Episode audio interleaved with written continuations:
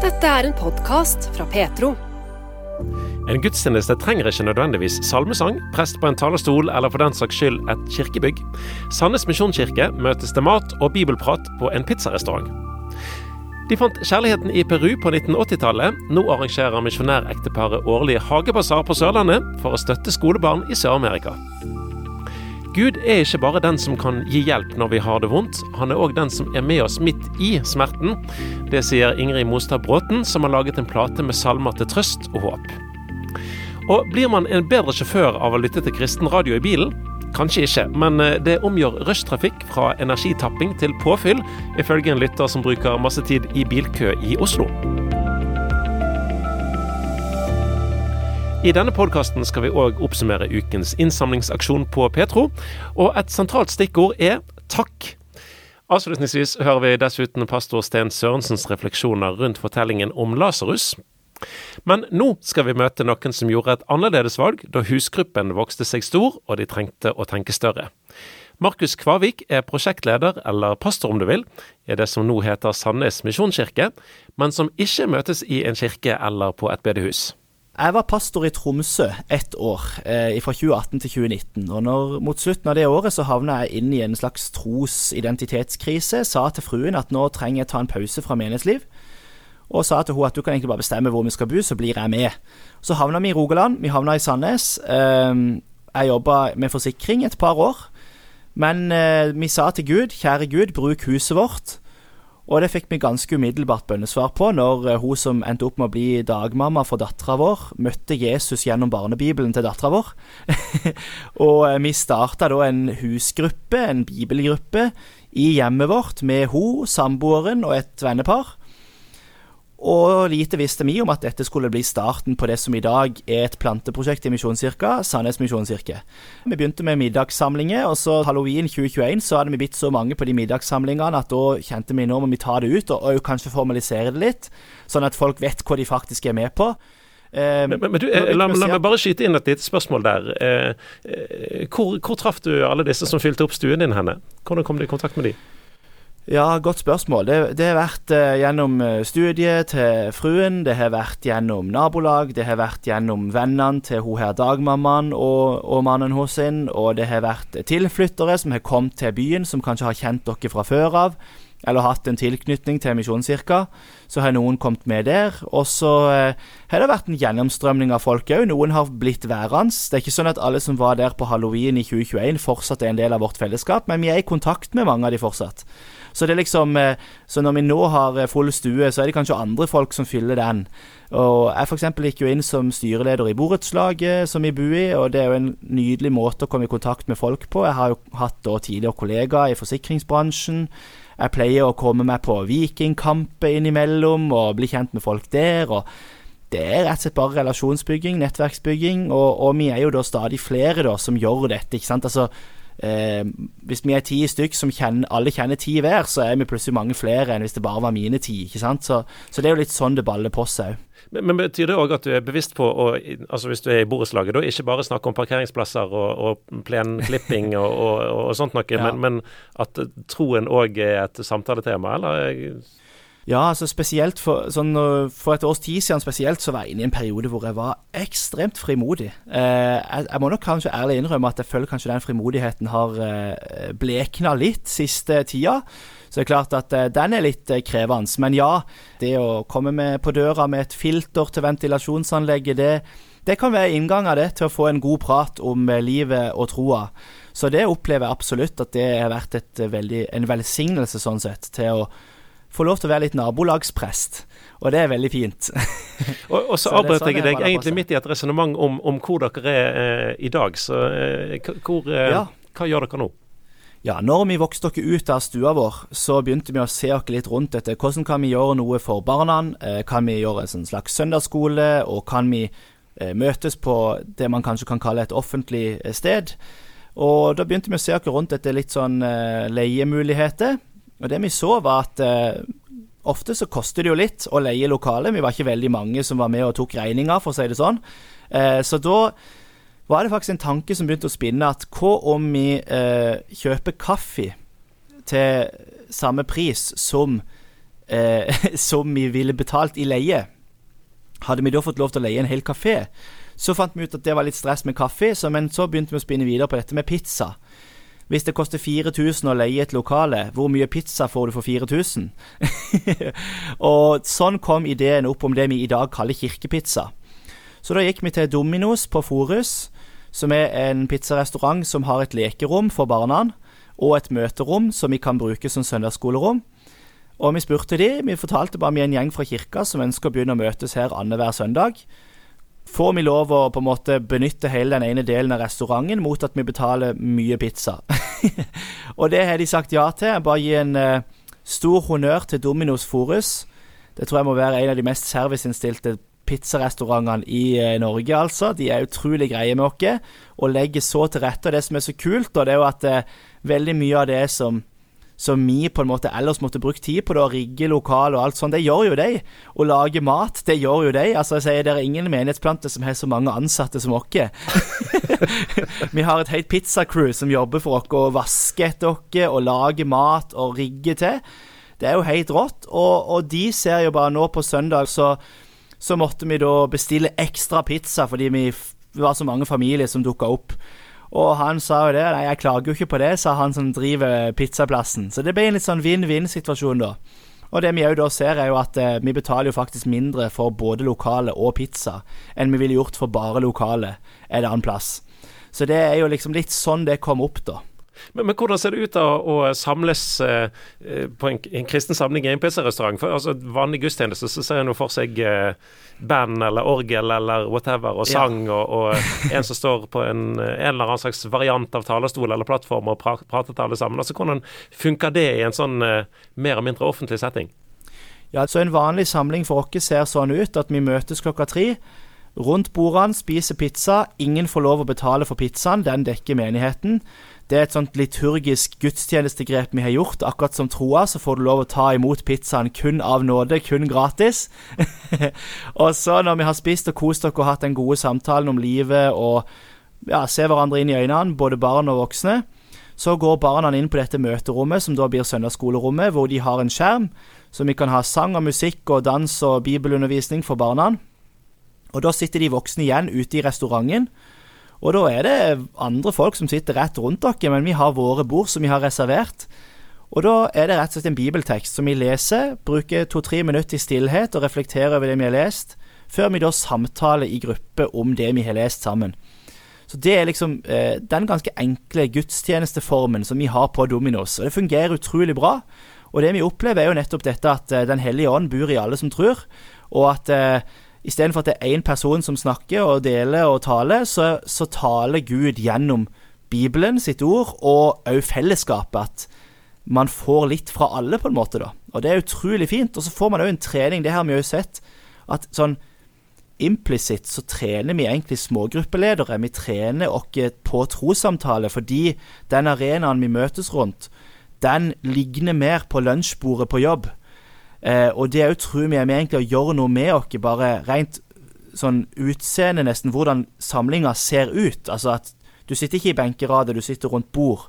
Det er òg med å forme oss, det er òg med å gjøre noe med oss. Så det ser vi at eh, folk blir stadig tryggere på det å samtale om Bibelen, samtale om tro, da. Så eh, det har fungert veldig bra til nå. Og eh, Så får vi se vi, hvor lenge vi gjør det. ikke sånn at Vi er gift med tanken om Dominos og, og kirkepizza, men vi kommer til å fortsette med det så lenge vi føler det er hensiktsmessig. Kirkepizza er altså noe Sandnes misjonskirke har holdt på med en god stund nå, men nytt denne uken var oppstart for prosjektet Barkirke på utestedet Melkebaren i Sandnes. Markus Kvavik forteller dette om tanken bak. Eh, dette er jo eh, det vi kanskje kan kalle en slags bortebane for kirka men som er en hjemmebane for veldig mange som ikke tror, da. Og eh, i jula så begynte jeg å reflektere litt over det når jeg las i Johannes kapittel 1 om Gud som tok bolig iblant oss og kom inn i nabolagene. At juleevangeliet og evangeliet er historien om en Gud som er villig til å gå til helt sånn latterlige lengder for å vinne tilbake menneskene som han elsker. Og så erfarer av og til jeg at eh, historien om kirka er, om ikke motsatt, så i hvert fall et stykke unna at vi ofte er ikke så veldig gira på å gå så veldig langt. eh, og dette med barkirke, da. Det har da vært en, en tanke fra vår del, og vi har jobba med dette i ett år. For å snakke gjennom hvordan kan vi gjøre det på en god måte. For det er ingen tvil om at eh, noen vil oppleve det som litt kontroversielt, eller litt eh, problematisk kanskje til og med, å gå inn i en bar. Men, men vi tror at eh, hadde Jesus gått rundt her i dag, så tror vi han hadde oppsøkt sånne type plasser. Og ikke minst de menneskene som kanskje føler seg mer hjemme der enn i en kirkebenk på en søndag. Så det var grunnen til at det kom opp. Og, og nå er det i ferd med å bli en realitet? Ja, første samling 19.9. Og da, det som er kult, da, det er at når vi lufta denne tanken for baren, som heter Melkebaren i Sandnes, det var at han som eier baren, han som driver det, han syntes jo dette var så konge, og han var jo så interessert i å samtale om eh, tro og Jesus og kristendommen og alkohol og liksom eh, samlivsetikk, og vi snakka om masse interessante ting. Og han spurte da kan vi få lov å være medarrangør. Og det sa jeg jo selvfølgelig ja til, så nå er det altså Sandnes misjonskirke og Melkebaren som arrangerer barkirke sammen. Så det er både baren og kirka som kommer sammen for å lage dette arrangementet. Eh, så som, sånn som det kommer til å se ut, er at eh, en tirsdag i måneden klokka åtte til ti så møtes vi på Melkebaren. Kirka spanderer én alkoholfri enhet på alle som kommer. Dersom noen ønsker å drikke noe med alkohol, så kan de gjøre det, men da, da kjøper de det sjøl. På den måten så føler vi at eh, vi både er åpne for at folk kan gjøre det, samtidig som vi, vi gjør det enkelt for folk å velge et alkoholfritt alternativ. Som det òg fins mye godt, både øl og brus og, og vann og det som er. Eh, og så litt ute i samlinga så drar vi i gang en livepodkast hvor vi har et tema med spennende gjester. I morgen skal temaet være kristendommen og alkohol. Hvor vi da har en tidligere pastor som nå er ølbrygger og ølentusiast, og eh, bareieren han som driver Melkebaren, som skal være gjester og snakke om dette temaet. Da skal vi ta opp litt eh, de utfordrende sidene med alkoholen òg. Og da får du på en måte både litt det der kirkeperspektivet, men òg sett litt utenifra. Sett fra et, eh, kall det, bareierperspektiv, som er veldig gøy. Så eh, det er sånn de samlingene kommer til å se ut. Og vi tror, og har allerede fått tilbakemeldinger på at eh, vi har lykkes i å, å, nå ut til noen da, som, som kanskje ikke ville funnet seg sjøl i en kirkebenk på en søndag. Så det er gøy.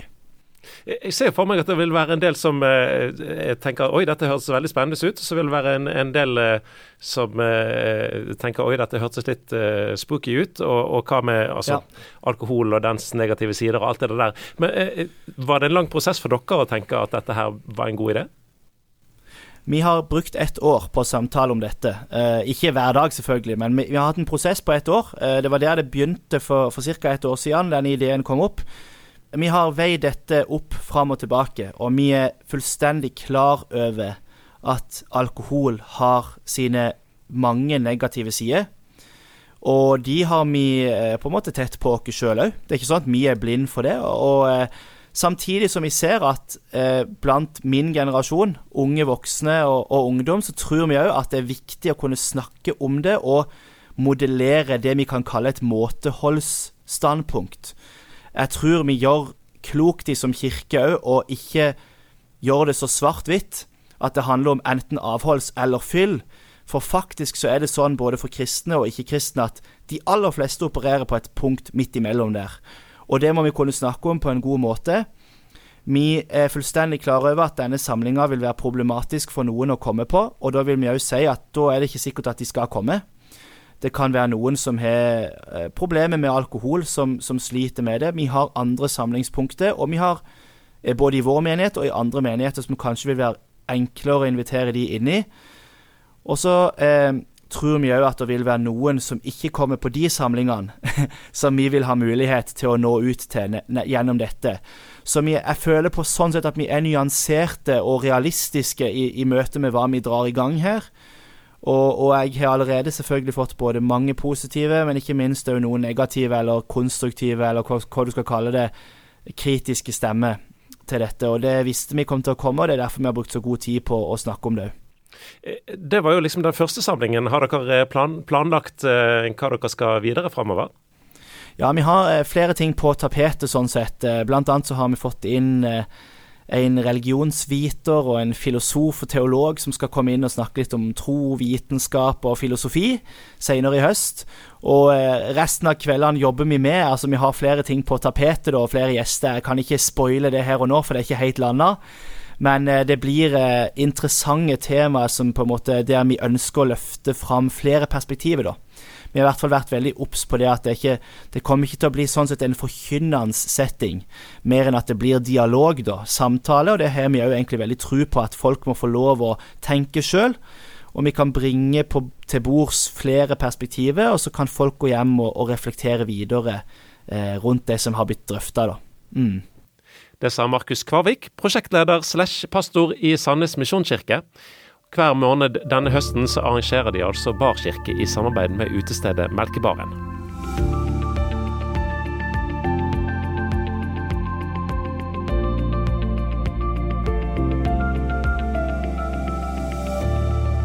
Petro-uken oppsummert som du lytter til akkurat nå, er altså en podkast som vi lager hver uke, og som har med litt av eh, intervjuer og reportasjer som vi har hatt i løpet av uken som gikk. For eh, Petro lager ikke bare podkaster, vi er òg en radiokanal som er på luften 24-7, 365 dager i året. Og så er spørsmålet, hvem er det som lytter på Petro? Nå skal vi møte Merete Krusjank, som eh, bor i Oslo. Det var en venninne som anbefalte hun å lytte til Petro. Eh, det var en venninne av meg som eh, sa at eh, jeg har oppdaga en kanal som heter Petro, den må du bare høre på. Så sånn var det jeg oppdaga Petro. Men så har du blitt værende der på den kanalen og høre, høre på Petro. Hva, er grunnen til det? Ja, Grunnen er at da tuner jeg inn dagen med sju til ni. Og da hører jeg på refleksjoner over søndagens tekst, og på trosvitaminer, andakt og ikke minst musikken um, lovsangen og den programposten Gjesten, min musikk. Jeg står i bilkø på vei til jobben veldig ofte, og, og det å høre på Petro har snudd min frustrasjon over lange køer og forsinkelser til glede over starten på morgenen med Jesus og radio. Så, så det å ha muligheten til å uh, høre på Petro gjør deg til en bedre trafikant i, i, når du er ute og kjører bil? Ja, jeg vet ikke. Jeg kan fortelle en historie. Jeg eh, oppdaga jeg sto i kø her, og det var helt stillstand. Så ser jeg at uh, han, i, han, fyren i bilen ved siden av, han ser så rart på meg. Og da oppdager jeg at jeg sitter med begge hendene i været og lovsynger Gud. Um, ja, så om det gjør meg til en bedre trafikant, jeg vet ikke. Men det gjør meg i hvert fall til uh, at jeg får en bedre start på morgenen min. Ja, det sa altså Merete Krusjank. En annen lytter av Petro, som bor i eh, Stjørdal i Trøndelag, heter Robert Mulleli. Han ble positivt overraska når han først oppdaga kanalen. Ja, Det tror jeg faktisk var under Misjonssambandets generalforsamling i 2018. Da så jeg en stand for Petro. Eh, jeg har litt sånn erfaring med kristne lokalradioer, at de var traust, kjedelige og ganske uprofesjonelle. Så jeg har vært litt sånn involvert på det som programleder og tekniker før i den sammenhengen. Så jeg tenkte at det gidder ikke jeg å høre på. Så må jeg innrømme at på et eller annet tidspunkt mens jeg var ute og kjørte bil en gang, så tenkte jeg ja, jeg får prøve å sjekke ut det Peter og greier på DAB-en. Og det gjorde jeg. Ja, Hva skjedde da? Eh, for du er jo blitt lytter. Eh, hva, hva, er grunnen til at du fremdeles hører på Petro? Ja, det handla jo litt om hva det var som kom ut av den radioen. da. Jeg ble faktisk positivt overraska over Petro, det må jeg bare si. Her er noen år siden. Og jeg må jo også være så ærlig å si at eh, For min del så er det musikken som ofte styrer radiovalgene mine. Og Til tross for en oppvekst i tjukkeste bedehusmiljø, så sliter jeg litt med å få noe som helst ut av den såkalte bedehusmusikken. Så det var faktisk musikken jeg ble mest positivt overraska. Lite tradisjonell bedehusmusikk, og faktisk ganske mye musikk med litt trøkk i. Hvor lytter du til Petro? Stort sett all min radiolytting det skjer i bil. Det er også der jeg hører på Petro. Litt sånn egentlig blitt en veldig sånn god plass å få litt sånn eh, åndelig input i i en travel hverdag. Jeg vil jo påstå at faktisk min lytting til Petro har blitt økende med årene. Den har ikke gått nedover. Jeg har blitt satt mer og mer pris på ikke bare musikken, men også det med å faktisk høre litt livshistorier og noe andaktsinput. Eh, og også litt av de samtalene som er på, på Petro det er jo så mye svada på radiokanalene ellers. Altså det, det, er mye musikk og mye prating, men de prater jo stort sett om ingenting.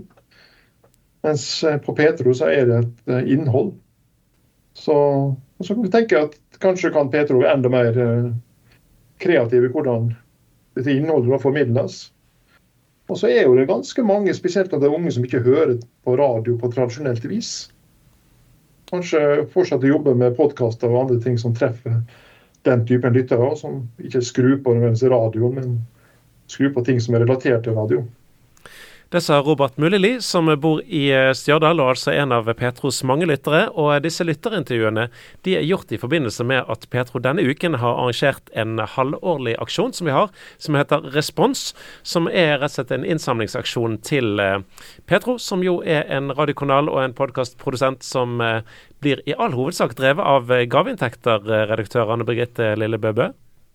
Ja, det stemmer. 80% cirka av eh, vårt budsjett er gave.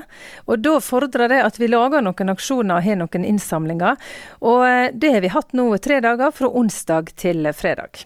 Og akkurat i snakkende stund eh, tidlig på fredags ettermiddag, så har du for ikke så lenge siden gått, gått av luften og hatt den siste responssendingen på luften. Eh, hvordan har det vært?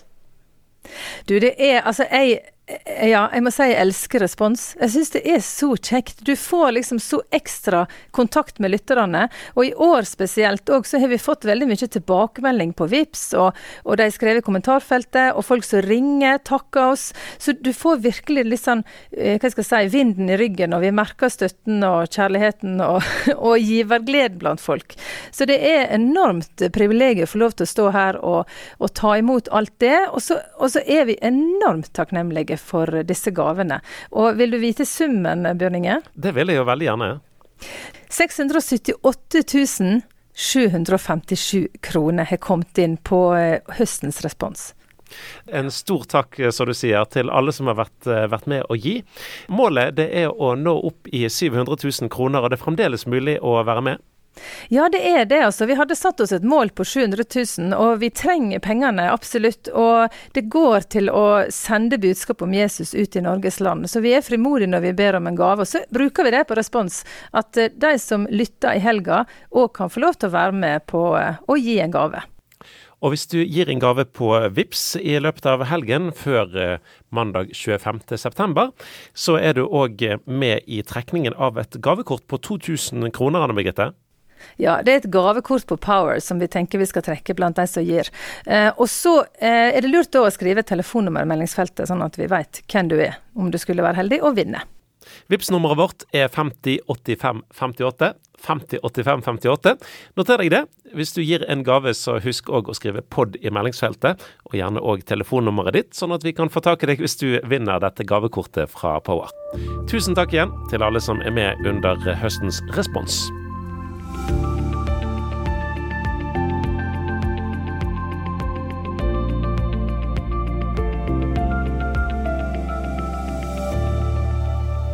De fant kjærligheten til hverandre i Sør-Amerika på 1980-tallet. Ekteparet Toril og Arild Espegren har vært misjonærer i Peru. Nå er de aktivt med og støtter et skoleprosjekt for barn som kommer fra fattige familier i Sør-Amerika. Hver sommer i ti år så har de dratt i gang hagebasar i sin egen hage på Sørlandet. Reporter Ellen Sørlien hun møtte Toril Espegren hjemme i hagen før de snart drar på ny tur til Peru. Nå har jeg tatt turen til Rugsland, som er i Birkenes kommune. En god halvtimes eh, kjøretur utafor Kristiansand. Og her står jeg sammen med Toril Espegren, midt i hagen og midt i blomsterprakten. Toril, her bor du sammen med mannen din Arild? Ja, det gjør jeg, og jeg trives godt her. Og så tror jeg du trives godt med blomster, for her, det er jo så mye fine blomster rundt oss. Ja, jeg har alltid likt blomster siden jeg var helt liten. Og så nå gikk jeg av med AFP 1.1, og da tenkte jeg da skal jeg eh, begynne å dyrke litt mer sjøl. Så jeg har brukt kjøkkenet til å så og prikle og plante ut. Så nå spirer det, og, og det gror veldig godt. Du, har ganske stor hage. altså Veit du hvor mange forskjellige blomster du har uh, satt her, eller? Nei, jeg har ikke peiling. Men jeg har jo bestilt inn eh, løvemunn f.eks., og sinnia. Og gulrotblomst og asters. Og så liker jeg veldig godt skabiosa. Så har jeg valmue og Jomfruen i det grønne og, og en del staute. Jeg tror jeg må, flamme, jeg må fram med floraen for å vite hva alt dette er. Jeg ser i hvert fall at det er nydelig. Og masse epler på trærne nå. Ja, i år er det et godt fruktår, sånn at uh, vi har mye å plukke ned. Det er en stor hage her. Og nå skal jeg litt tilbake i tid, noen få uker. I august. Da hadde dere en stor hagebasar eh, her på, i, på Rugsland. Til inntekt for en skole som du og mannen din har starta opp i Arequipa i Sør-Peru. Hvert år i august, og det, det, nå var det tiende gangen, så har dere hagebasar til inntekt for det som heter El Mirador. Fortell litt om El Mirador. Er, si litt om skolen. El Mirador er en skole, eller barnehage, barneskole, ungdomsskole med 350 elever. Og Det ligger i Sør-Peru, i en by som heter Arequipa. Og Byen ligger i utkanten av denne millionbyen, der det er veldig mye fattigdom. Og vi har fått bygd opp eh, Are Leg med sentrale, men er, det er jo Osvaldo Cruz, altså en lokal pastor, som er egentlig drivkrafta som vi støtter og hjelper for at disse barna som bor i dette fattige området, skal få utdannelse og en ny framtid. For mange av foreldrene til disse elevene de har bodd oppe Vi vet jo at Peru er et fjelland. og De har bøkt oppe på Altiplanosletta på mange tusen meter over havet. Og så har de flytta ned til storbyene for å få, ei, for å få inntekt og starte et nytt liv. Og da bor de i disse randsonene av byene. De bor uten elektrisitet, uten vann. De bor med bølgeblikktak. Og mange av våre elever kommer ifra disse familiene så enkle kår som vi nesten ikke kan se for oss her i vårt eget land? Nei, jeg blir forskrekka eh, over Jeg må si at en del av de Jeg har vært og, og sett noen av disse husene, og jeg må si jeg blir forskrekka mange ganger. Men samtidig så er det midt i deres fattigdom så Altså, å være fattig, det er jo ikke De har lite penger, men de har så mange andre ressurser. Og de de ressursene er det veldig viktig at det er hvert menneske får utvikle og bruke. Sånn at alle har ressurser, men mange har lite penger. Og så er det òg noe som også er viktig for oss, det at på skolen så får de lære Jesus å kjenne, og får eh, kristendomsundervisning. Og så er det kanskje ikke tilfeldig at det blei Peru Eh, og skole i Peru for, eh, for mannen din Arild og deg, Toril. For dette, dere har jo begge to vært, eh, vært misjonærer i Peru. Kan du røpe at det var der dere møtte hverandre? Ja da, vi fant kjærligheten i Peru i 1987. Og vi fikk to jenter der, og en gutt her i Norge. Så for oss som har vært misjonærer, da var vi for Norsk Luthersk Misjonssamband, denne skolen det er en egen stiftelse. Så det har ingenting med Misjonssambandet å gjøre. Men uten å være der som misjonærer, så hadde jo aldri dette skjedd. Og når dere har hagebasar og ellers, så da er det hele storfamilien som trår til. Både jentene og sønnen deres og, og familiene deres, og, og, enda flere av familien. Ja, og barnebarn de synger og de selger lodd. Og, og så, klar familie, men vi har òg naboer og folk her i, i nærområdet som stiller opp opp år etter år. F.eks. de som har maten. Vi bare setter fram det som skal selges, og så må de organisere det sjøl. Og du kan være helt sikker på at vi kan stole på dem. Men du, Hagebasaren dere hadde i august, mange var det som var her? Det var rundt 200. Eh, og alderen var fra nyfødt over 90. Og der, det er viktig altså vi er ikke bare, Når vi har basar, så er det ikke bare for å samle inn penger, men det er for at folk òg skal ha det hyggelig. De skal ha en god opplevelse. Og selvsagt ønsker vi jo å få inn så mye som mulig. Vi, vi vil gjerne ha inn penger, men det er viktig at det blir en god totalopplevelse for de som kommer her. Tore Les Begren, du er inspirert og engasjert når du snakker om El Mirador og skolen i Peru. Er dette her hjertebarnet ditt? Ja, det er det. Jeg er utdanna lærer, og jeg ser hvordan eh, undervisning, og ikke minst relasjon mellom lærer og elev, kan skape forandring hos et barn. Og det hvis jeg skal si noe som kjennetegner El Mirador, så er det kjærligheten som hersker der. Den er den møter du i døra. Det er påfallende en veldig kjærlig atmosfære. Og vi har små barn som tre år som hører at 'nei, du er ingenting, du kan ikke snakke, ingenting'. Og så får en høre 'jo, men du er en fin gutt, du'. Se, hva du får til. Du er så en kjekk kar. Og det, det skaper forandring hos et barn. Og det skaper forandring hos alle, for alle trenger å bli sett. Skolen som Toril og Arild Espegren arrangerer basar for hvert år, ligger altså i utkanten av storbyen Arequipa i Peru. Skolen har gradvis blitt bygd ut, har 350 elever som kommer fra fattige familier. Og nå er det òg startet et strikkeprosjekt for mødrene til skolebarna. Prosjektet El Mirador kom i gang i 2007 med barnehage, forteller Toril Espegren. Ja, altså vår, Vi kom inn for fullt i 2012, men allerede i 2007 så hadde de kjøpt et lite lokale eller altså De bygde et lite lokale på ei lita tomt. Og der startet de med noe som heter Kona, altså vogge, med små barn. For staten hadde så behov for at eh, barn skulle bli tatt vare på når foreldrene gikk på jobb. Og så har det vokst, så vi har vokst veldig seint. Ett årstrinn for hvert år. En har ikke Vi har skyndt oss veldig lang, langsomt.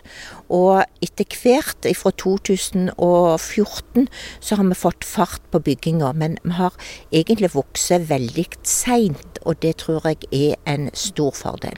Så når du snakker vokster, så er det både vokster når det gjelder antall elever og antall bygninger som, som skolen har i dag? Nå har vi bygninger som er for, i forskriftsmessig stand.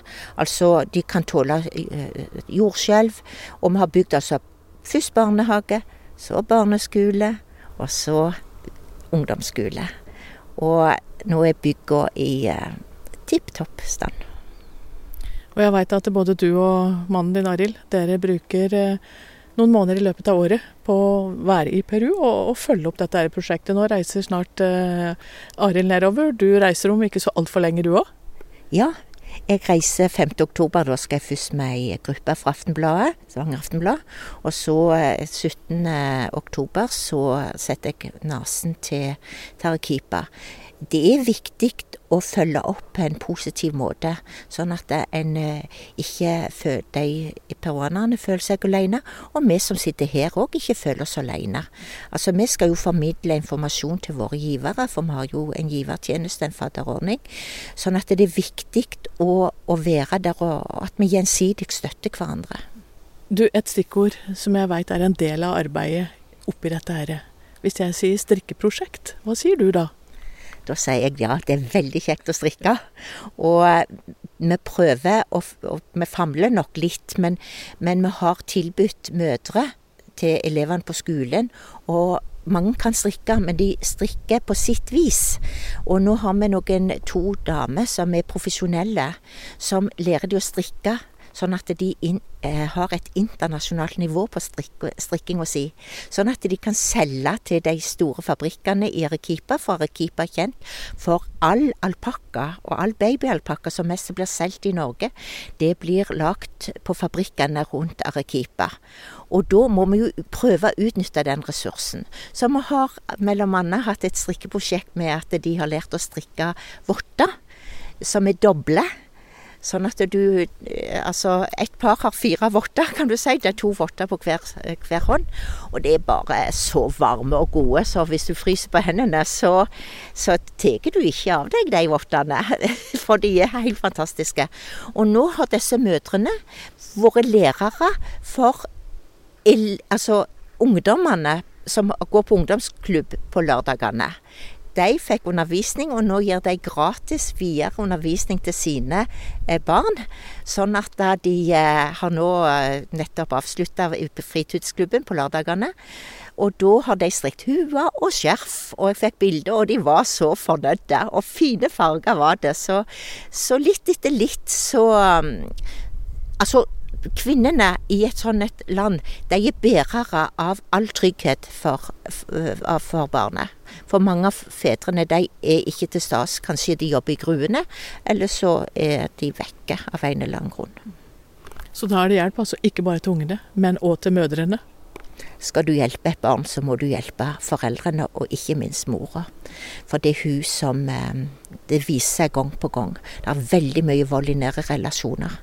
Sånn òg at mødrene får eh, litt inntekter. For da blir de, med en gang du får litt inntekter, og du må eventuelt ikke spørre ektefellen om penger, så, så blir du Du øker statusen din. Eh, og, og, så ser eh, ungene òg, og eh, barna, at det, jo, det går an å skape seg i inntekt. Og hovedpoenget er egentlig at mødrene skal kunne strikke hjemme. Sånn at de ikke må reise langt for å komme på arbeid. For da må de gå før barnet går på skolen, og de kommer seint hjem. Sånn at i realiteten så er barnet forlatt i hele dagene. Men hvis de kan jobbe hjemmefra, så er mødrene der når de kommer hjem. Og jeg må si at når jeg betalte ut lønn, var jeg som betalte ut den lønna, og så sier jo ene ja, jeg har jo ikke strøm i huset, og da vet jeg intuitivt at da har du ikke vann heller. Eh, og så sier jeg de to andre òg er naboene mine, det har heller ikke det. Og da tenkte jeg ja, vi har lykkes. Eh, og jeg håper vi skal lykkes enda mer med at, at ved å styrke mødrene og deres sjølkjensle, kan du si, så vil vi òg eh, styrke barnet. Og så er det andakt på hvert strikkemøte. Du, hva gjør det med deg å være med og, styrke nettopp mødrene, og være med å styrke familie på den måten? Det betyr utrolig mye, og jeg har nok måttet slåss litt for dette strikkeprosjektet. Men jeg har hatt så stor tro på det at det jeg så bare noen bilder av de mødrene, og de så så glade ut. De er ikke så mange, men en må tenke at det, Nei, mødre, det betyr Det er det viktigste for et barn. Ikke for til forkleinelse for fedrene, men en mor kan er på mange måter uerstattelig. Vi hørte altså Toril Espegren, Sammen med mannen Arild så reiser hun til Peru og til skoleprosjektet El Mirador i Arequipa i Peru i oktober. Reporter her, det var Ellen Sørlien. Takk for at du lytter til denne podkasten fra Petro. Liker du det du hører, setter vi pris på om du tipser andre om radiosendinger og podkaster fra Petro. Du finner oss på DAB, og både radiosendinger og podkaster er tilgjengelige i Petro-appen, som enkelt lastes ned fra Google Play eller AppStore. Salmer til trøst og håp er undertittel på en fersk plateutgivelse fra sopran Ingrid Mostad Bråten, sammen med organist Sigurd Melvær Øgård. Gud er ikke bare den som kan ta bort smerten vi kjenner på, han er òg den som er med oss midt i smerten, sier Mostad Bråten. Ja, dette er en plate med salmer til trøst og håp, så det er det vi ønsker å formidle, da. Salmene, altså fra salmeboka, de eh, formidler ofte noe man at man kan kjenne seg igjen i den menneskelige smerten. De formidler, gir uttrykk for den menneskelige smerten, og formidler samtidig at Gud er til stede midt i lidelsen, og at man kan be om hans eh, hjelp det at kirkekunsten kan ta opp sånne temaer, hvorfor tenker du at det er viktig? Jeg tenker at uh, vi mennesker, når vi opplever sterke følelser og vanskelige ting i livet, så har vi et behov for at noen skal uttrykke det for oss. Og at vi skal kunne kjenne det igjen. Og føle at vi er ikke alene i det vi opplever. Uh, noen sier for oss hvordan dette kan være. Det kan være en veldig sterk uh, opplevelse. Og at vi også da får formidlet et håp midt inn i det.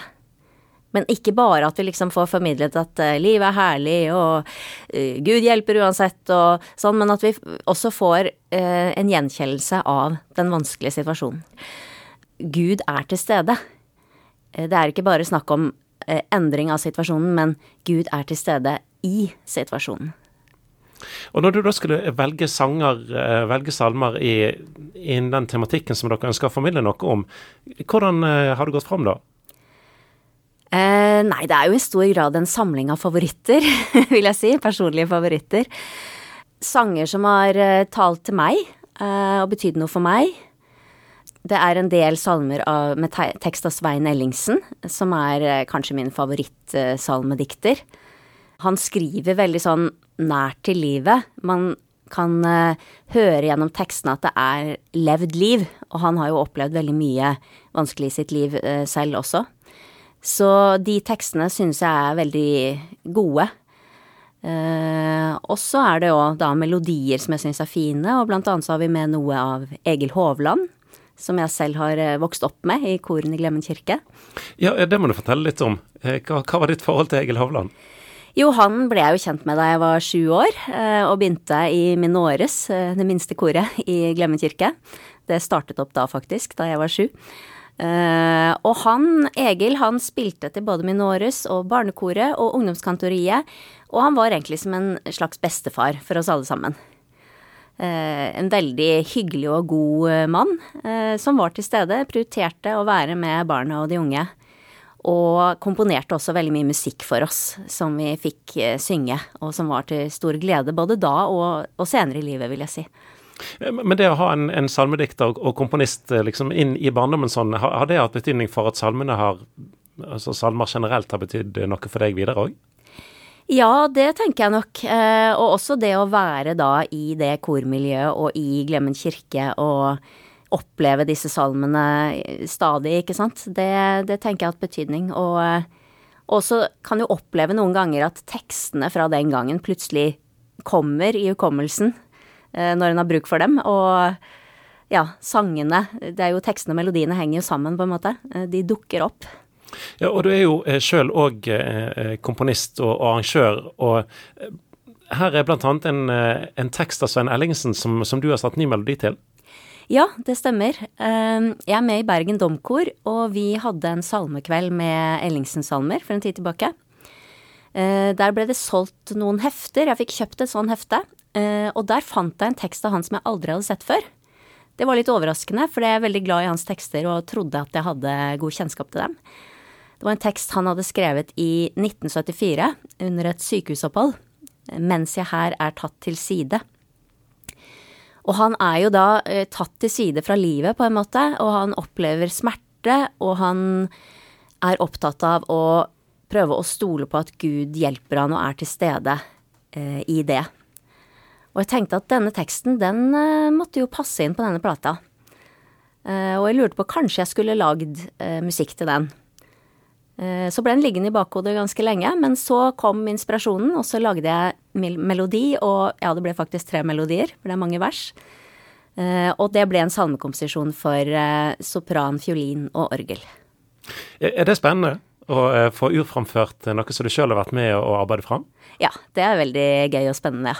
Og det er også veldig gøy med de arrangementene jeg har lagd, eh, når jeg da øver med fiolin og fløyte og kvinnestemmer og sånn, og hører hvordan det blir, og at det blir på en måte sånn som jeg har tenkt. Eh, det er kjempegøy.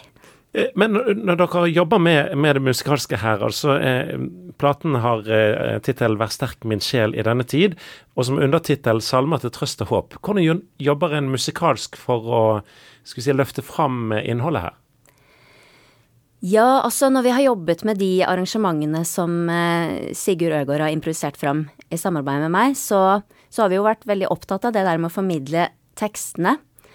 Og, og mye av dette er jo i sånn stille landskap, da. Hvor vi har enkle arrangementer eh, og ja, eksempel denne eh, Ta vårt knuste liv er jo et eksempel på det. Altså veldig enkelt arrangement.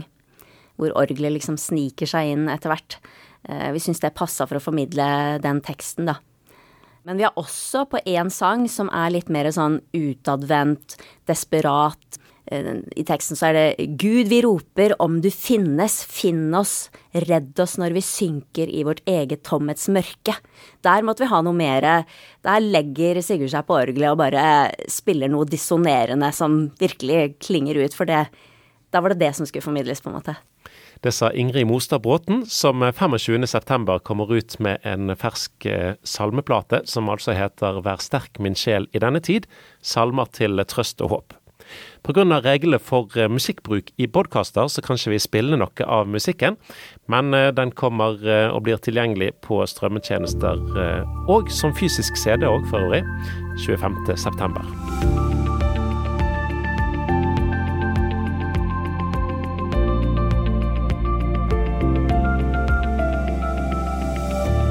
I Johannesevangeliet så står det en fortelling om Lasarus. Sammen med søstrene sine, Maria og Martha, så var han venner med Jesus, og de møtte han ganske ofte. Men Lasarus han ble sjuk. Jesus fikk beskjed om dette, men det tok noen dager før han kom fram, og innen den tid så var Lasarus død. Men Jesus vekte Lasarus opp igjen fra de døde, og denne historien det er utgangspunktet for denne ukens refleksjoner fra pastor Sten Sørensen. Det som er søndagens tekst, det er Johannes evangelium kapittel 11, vers 17 til 29, eller fra vers 30 til 46. Med andre ord, det er en lang tekst i Johannes 11. Men det teksten omhandler, det er at Lasarus dør. Og så er det det som da skjer videre i forbindelse med det som skjedde rundt Lasarus' død. Det er en dramatisk tekst. Det er en uvanlig tekst. Men her ser vi Jesu guddommelighet i aksjon, også at han virkelig er et sant menneske. Jesus var jo sammen med Martha, Maria og Lasarus mange ganger. Disse tre, Lasarus, Martha og Maria, de var jo søsken. Og Jesus vanket i det hjemmet ofte. Og du husker sikkert beretningen da Martha klager på Maria, som bare sitter der foran Jesu føtter, mens hun må stelle og gjøre i stand måltidet. Og så er det at uh, de får en liten gnisning mellom seg, Martha og Maria, fordi Martha syns at Maria gjør for lite. Da hadde de en liten disput. De var litt uenige. Men nå, i teksten vår, så er det ikke uenighet. De ser ikke ting ulikt. De er samlet i sorgen. Det er rart med sorgen, du, den samler oss. Og sorgen samlet Martha og Maria. Begge gikk med triste og vanskelige og tunge følelser. Deres kjære bror var død. Og hva var da mer naturlig enn at dette må Jesus få høre om? For vi vet at han er full av kjærlighet. Han vil gjøre noe for oss, så de sender bud til Jesus. Det var en trist og en tung situasjon. Lasarus var død. Men livet er jo slik. Noen ganger så er det sorg, noen ganger så er det glede. I dag så er det sorgen over at en kjær bror ikke lenger var her. Han var død. Men Jesus kommer, og da skjer det noe.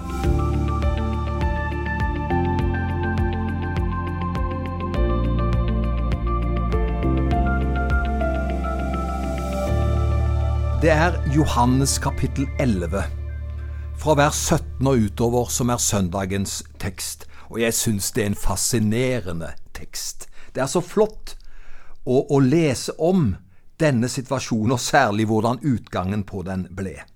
Men det som skjer, som jeg vil understreke i dag, det er at uh, Martha og Maria de var gode forbilder. De er selvsagt i sorg, og de er sikkert frustrert på Jesus. Kanskje var de til og med begynt å bli skuffa på han. Og derfor uh, skjønner vi at de sier når endelig Jesus etter fire dager kommer, så sier de til han, Mester, hvorfor var du ikke her før? Nå er Lasarus død, og han har ligget i graven i fire dager. Eh, det var noe trist og noe tungt over det. Men å få møte Jesus, det var jo fantastisk. For han sier det, at eh, 'jeg er oppstandelsen og livet'.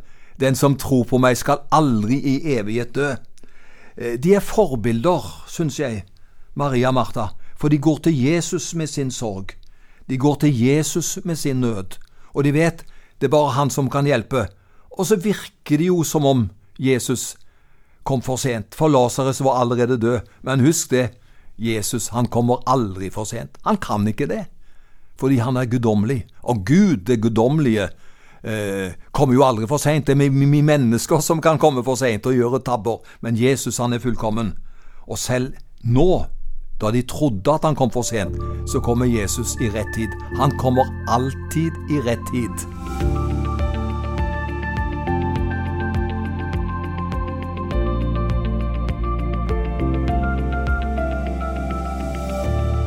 Martha og Maria de viser i teksten at de har tillit til Jesus.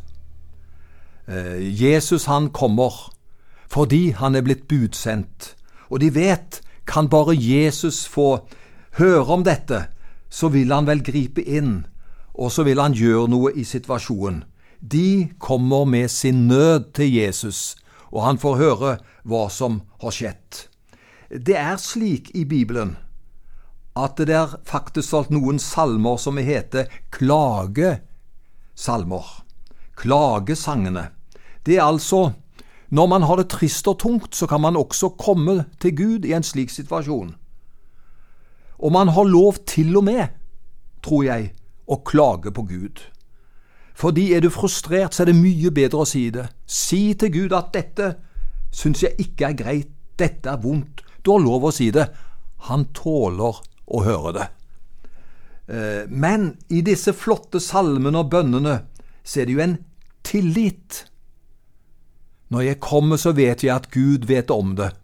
Og så kommer jeg med min sorg og med min klage, og så kommer jeg til Han som uansett vet hva som er det beste, og Han har all makt. Derfor er det noe trygt og godt at vi kommer til Jesus i glede, men også i sorg, og så har Han omsorg for oss. Det viser søndagens tekst.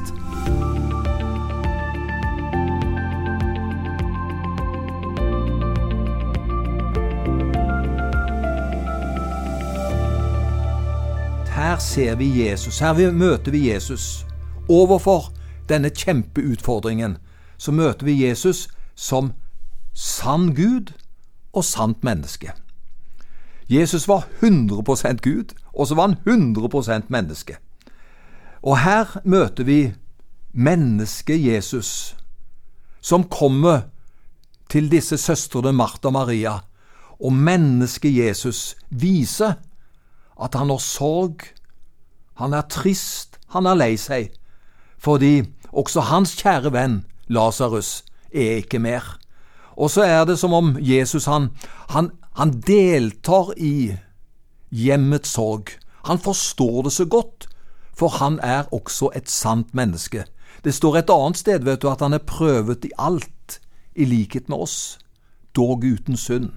Altså, Jesus ble frista, han ble sulten, han kunne bli trett, og noen ganger, ikke mange ganger, men vi leser at han til og med kunne bli arg og bli sint. Altså, Jesus var et menneske også. Og derfor kommer han og får se graven hvor Lasarus ligger, og jeg syns det er, eh, det er sterkt å lese. Det står at Jesus, han gråter. Ja, det er det han gjør. Han er delaktig. Han vet om din og min situasjon og jeg er overbevist om at han også har gråtet over ting som du har møtt, som du synes var vanskelig. I en nød og vanskeligheter så gikk du til Gud med det, og Jesus vet om det, og kanskje var han så nær og hadde en sånn medfølelse at også den gangen når du hadde det slik, så gråt han. Han var lei seg på dine vegne, for Jesus, han er også menneske. Han gråter ved Lasarus' grav. Men så er han ikke bare sant menneske, han er også sann Gud. Derfor er det ingen andre som kunne befale den døde å stå opp. Han kommer med disse bydende ordene fordi han også er sann Gud, og så sier han Lasarus, kom ut! Og da står det den døde kom ut, og Jesus sier til de rundt han, løs ham og la ham gå. Her viser også Jesus at han har all makt i himmel og på jord, han er sann Gud, for det er bare Gud som kan gripe inn på en slik måte. Vet du hva jeg er glad for i dag? Jeg har en frelser og venn som både er sant menneske og sann Gud. Derfor forstår han meg, men mer enn det, han kan hjelpe på en guddommelig måte. Det er vel en fin ting å ta med seg på denne dagen.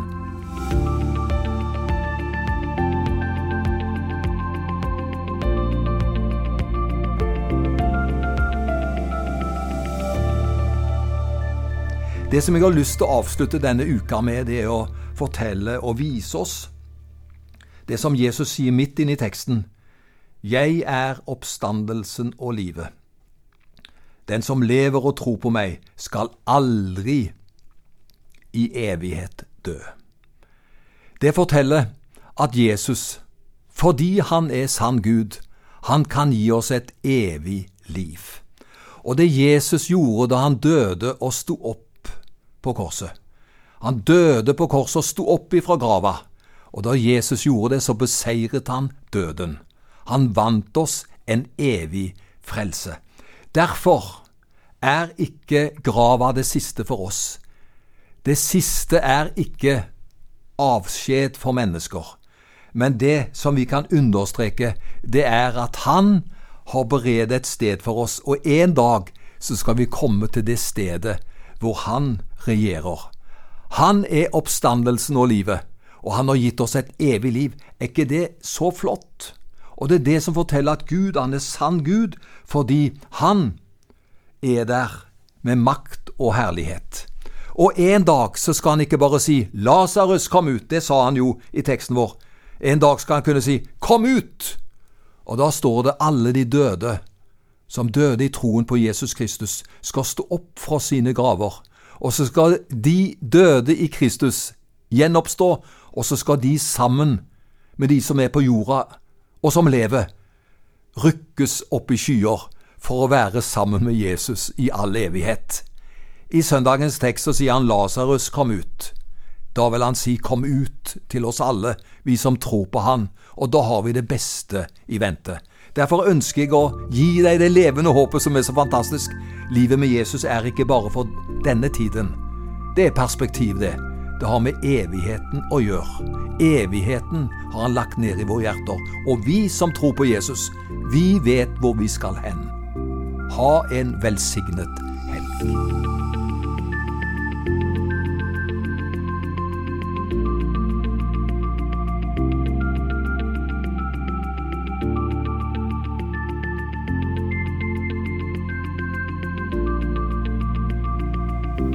Og med det så var Petro-uken ferdig oppsummert for denne gang. Jeg heter Bjørn Inge Sagstad. Vi høres.